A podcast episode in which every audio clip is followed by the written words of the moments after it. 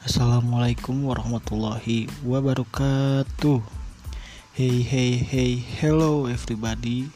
Kembali lagi dengan saya Aldo Yusnajatnika Kali ini kita akan membahas tentang prinsip-prinsip pengelolaan kelas. Pendidik dalam menyelenggarakan pendidikannya sebisa mungkin dapat mengelola kelas dengan baik. Ada beberapa faktor yang mempengaruhi pengelolaan kelas Jamarah dan Aswan menyebutkan, secara umum faktor yang mempengaruhi pengelolaan kelas dibagi menjadi dua golongan, yaitu faktor internal dan faktor eksternal siswa. Faktor internal siswa berhubungan dengan masalah emosi, pikiran, dan perilaku Kepribadian peserta didik dengan ciri-ciri khasnya masing-masing menyebabkan peserta didik berbeda dari peserta didik lainnya. Perbedaan lainnya dapat dilihat dari perbedaan biologis, intelektual, dan psikologis. Kemudian, faktor eksternal.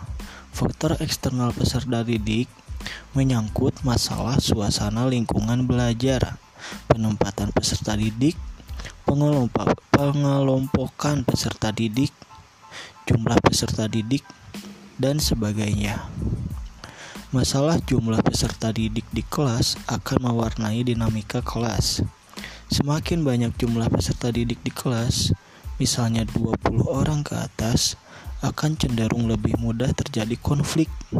Sebaliknya, semakin sedikit jumlah peserta didik di kelas, cenderung lebih kecil terjadi konflik.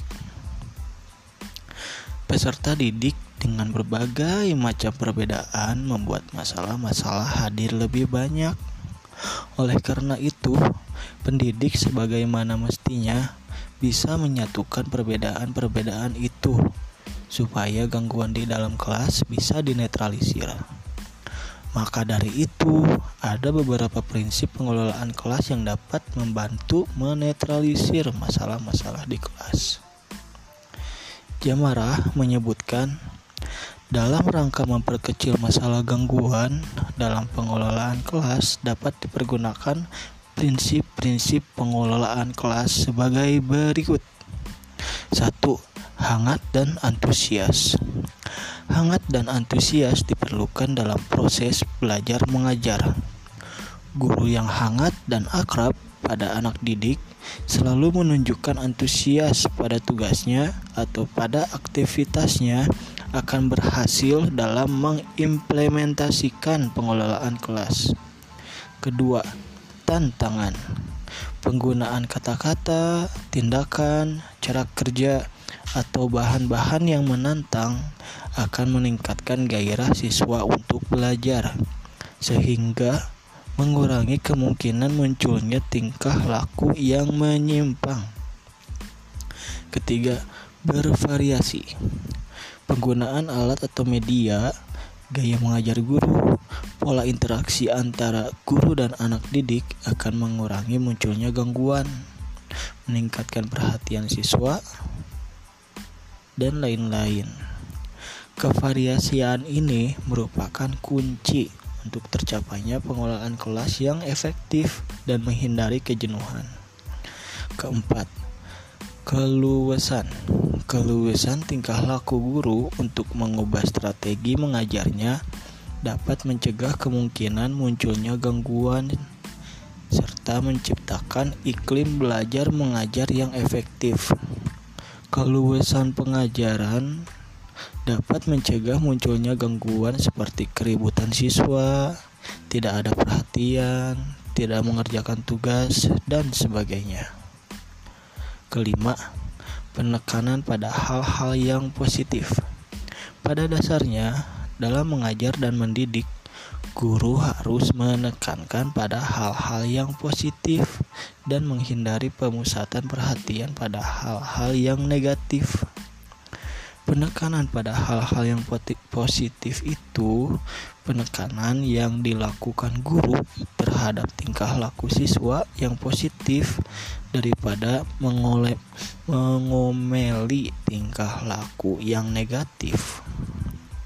Penekanan tersebut dapat dilakukan dengan pemberian penguatan yang positif dan kesadaran guru untuk menghindari kesalahan yang dapat mengganggu jalannya proses belajar mengajar. Keenam, penanaman disiplin diri. Tujuan akhir dari pengelolaan kelas adalah anak didik dapat mengembangkan disiplin diri sendiri dan guru sendiri hendaknya menjadi teladan, mengendalikan diri, dan melaksanakan tanggung jawab. Jadi, guru harus disiplin dalam segala hal bila ingin anak didiknya ikut berdisiplin dalam segala hal. Dengan demikian, seorang pendidik harus bersikap hangat dan antusias, menantang, bervariasi, luas, penekanan dalam hal positif, dan disiplin. Sekian yang bisa saya sampaikan mengenai prinsip-prinsip pengelolaan kelas. Semoga ilmu ini bermanfaat untuk bagi pendengar dan untuk para calon guru lainnya. Wassalamualaikum warahmatullahi wabarakatuh.